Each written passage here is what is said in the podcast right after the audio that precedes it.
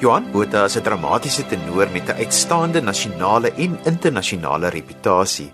Hy is sopas as die erebeskermheer van Kaapstad Opera ingehuldig.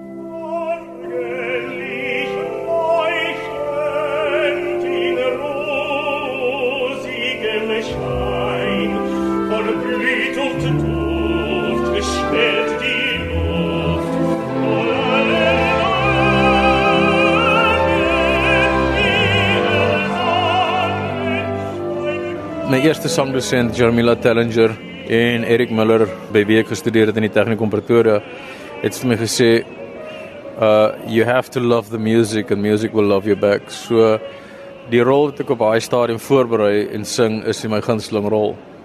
En dit is nog altyd so gewees. En uh maar ek het natuurlik my favorites. My eerste favorite is Othello. Uh dit is ek dink is enige tenor se droom om daai rol te sing natuurlik Wagner vag. Uh ek is 'n Wagner tenor, so met die volgens Meistersinger is natuurlik 'n opera wat ek ontsettend van hou om te sing. Uh Valkyrie nog meer. uh Lohengrin geniet ek net so baie. Uh dan Strauss, Daphne, uh Frauen Schatten. Al die onsingbare goed basies is vir my nou die goed wat ek nou die meeste van hou om te sing.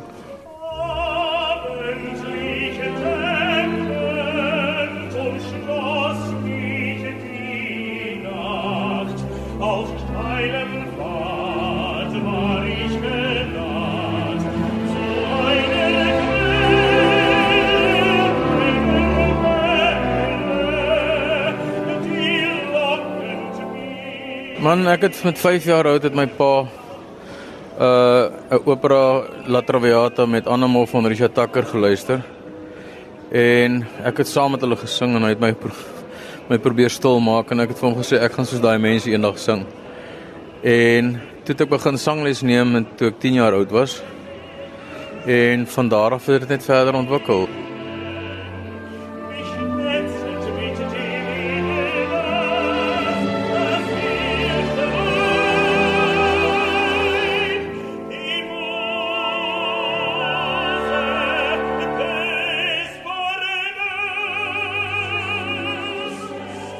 Die deurbraak het basies gekom in tyd toe hulle hierso Lohengrin opgevoer het in Suid-Afrika.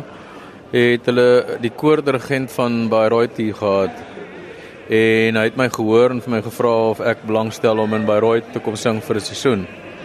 En dit is toe presies wat ek gedoen het. Ek was ek was by Bayreuth toe, ek het daar vir 'n seisoen in die opera in die koor gesing. En hy en George Fourie het my toe gehelp om by die sentrale bühnevermitteling in Frankfurt te gaan audisies doen. En na die audisie het dit toe so gebeur dat hulle my gestuur het na Kaiserslautern toe waar ek my eerste professionele rol gekry het of my tweede vir, vir professionele rol gekry het nadat ek hier in die Rodepoort uh Freischutz gesing het. En uh nou ja, dis ek Kaiserslautern toe. Van daar af was ek Hagen Westfalen toe en dis ek in Bonn gewees.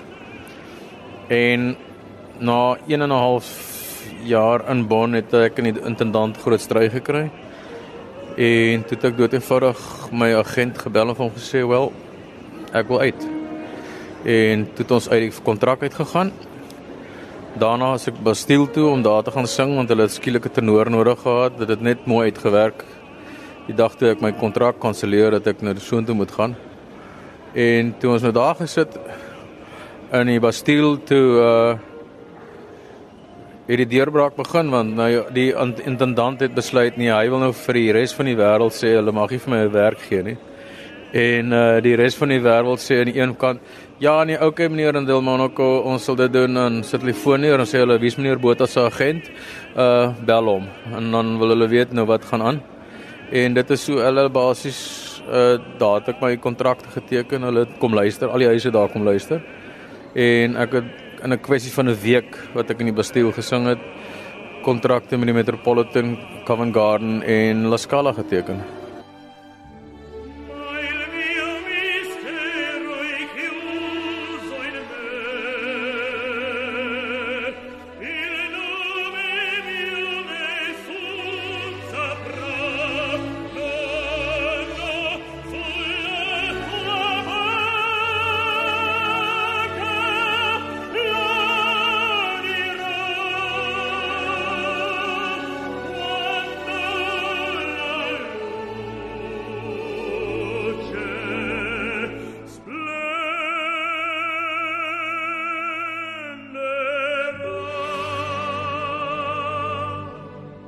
In 2004 word Johan Botha vereer met die toekenning van kammersanger. In die tyd van die Keiserryk van Oostenryk het al die opera sangers vir die keiser gewerk in in die uh opera huise is deur die op, uh, is deur die keisers families ge gegrond en jy weet hulle het aan die, jy het aan die hof gesing.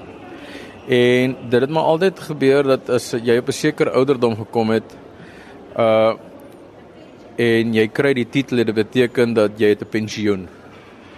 Die keiser gee vir jou uh jy word kammersinger en kammersinger beteken jy is hoof van die van die uh hof daarso okay en so jy is versorg die dag as jy totdat jy doodgaan. Uh dit was wat die titel eintlik beteken het en op hierdie stadium van die wedstryd is dit 'n eretitel wat hulle vir jou gee. Ehm um, dit beteken vir my baie want ek is een van 'n bitter weinig Suid-Afrikaners wat dit gekry het. Uh en ek's baie gelukkig daaroor. So die Kammersinger beteken vir my basis net jy is uh jy het die titel gekry. Dit is 'n ekstra titel.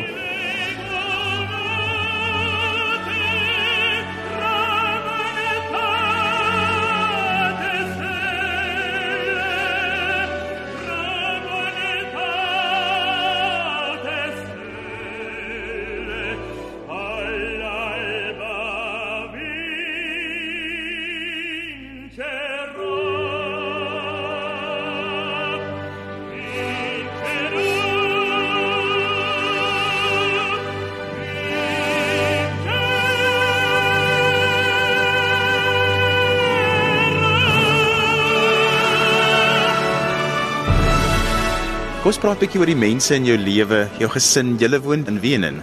Dis reg. Ek en my vrou en my kinders woon in uh Wenen in die 13de distrik. My twee seuns is onderskeidelik 18 en 20. My oudste seun uh wil 'n vlieënier word. Uh hy wil vir Lufthansa of enige lugledery wat vir hom 'n kans gee, is wil hy vlieg. My jongste seun is nog op skool. Hy moet nog sy matriek skryf. En uh Hy is die een wat meer belangstel in musiek.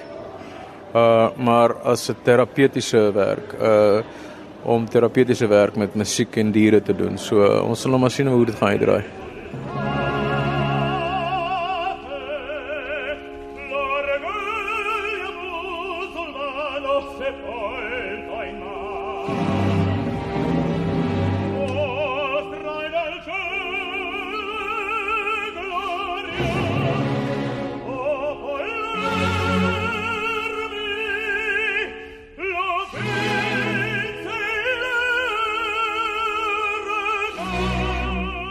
Toe vir hierdie jaar toe kom die groot skrik.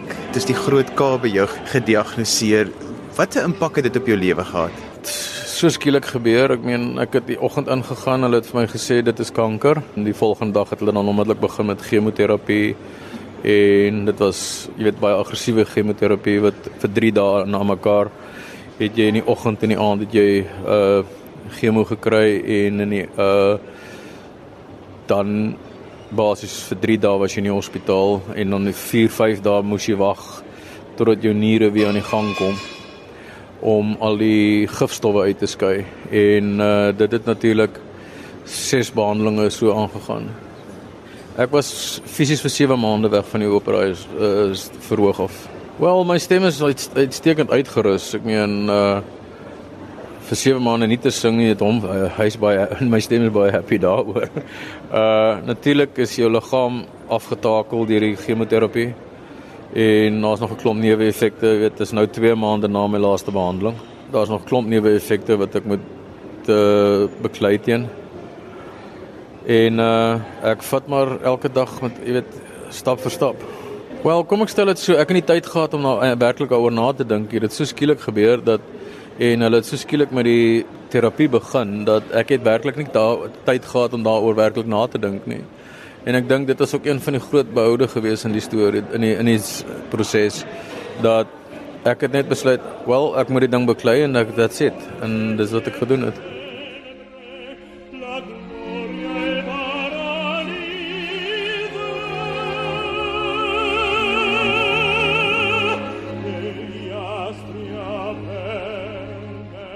Jy's hier vir 'n reeks konserte, môre aan te sien Stellenbosch en dan later in die week is jy in Pretoria. Wat kan luisteraars verwag?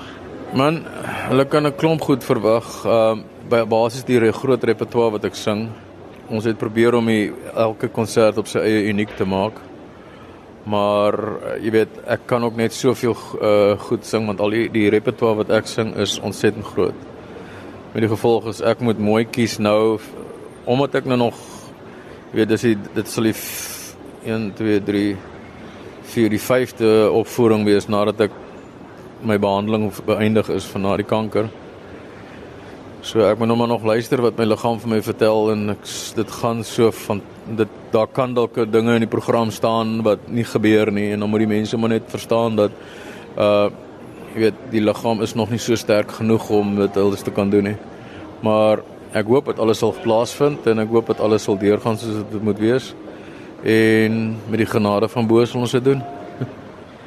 Wat is die versoeke wat mense altyd vir jou vra om te sing? Wat is die gewildste stukke? Jong, die mees gewildste stuk is natuurlik Nesendorm want almal weet ken die stuk nadat Luciano Pavarotti dit op die uh sokker WM gespeel het. Ja, Bohem, maar ek kan Bohem by basies nie meer sing nie oor die rede dat ek is te veel Wagner begin sing en die en nadat jy Wagner begin sing het dan raak die hoë tessature vir die operas soos Bohem en daai ek kan nog steeds die hoë C sing. Is nie dat ek nie die hoë C sing kan sing nie maar uh in 'n opvoering groot opvoering uh het jy nie lus om daai stres deur te gaan nie. En dit hang ook natuurlik af hoe lank na 'n Wagner opera jy sulke operas wil sing. As jy direk na 'n opera weet so Tannhäuser uh La Bohème wil sing, uh gaan jy jouself in die voet skiet.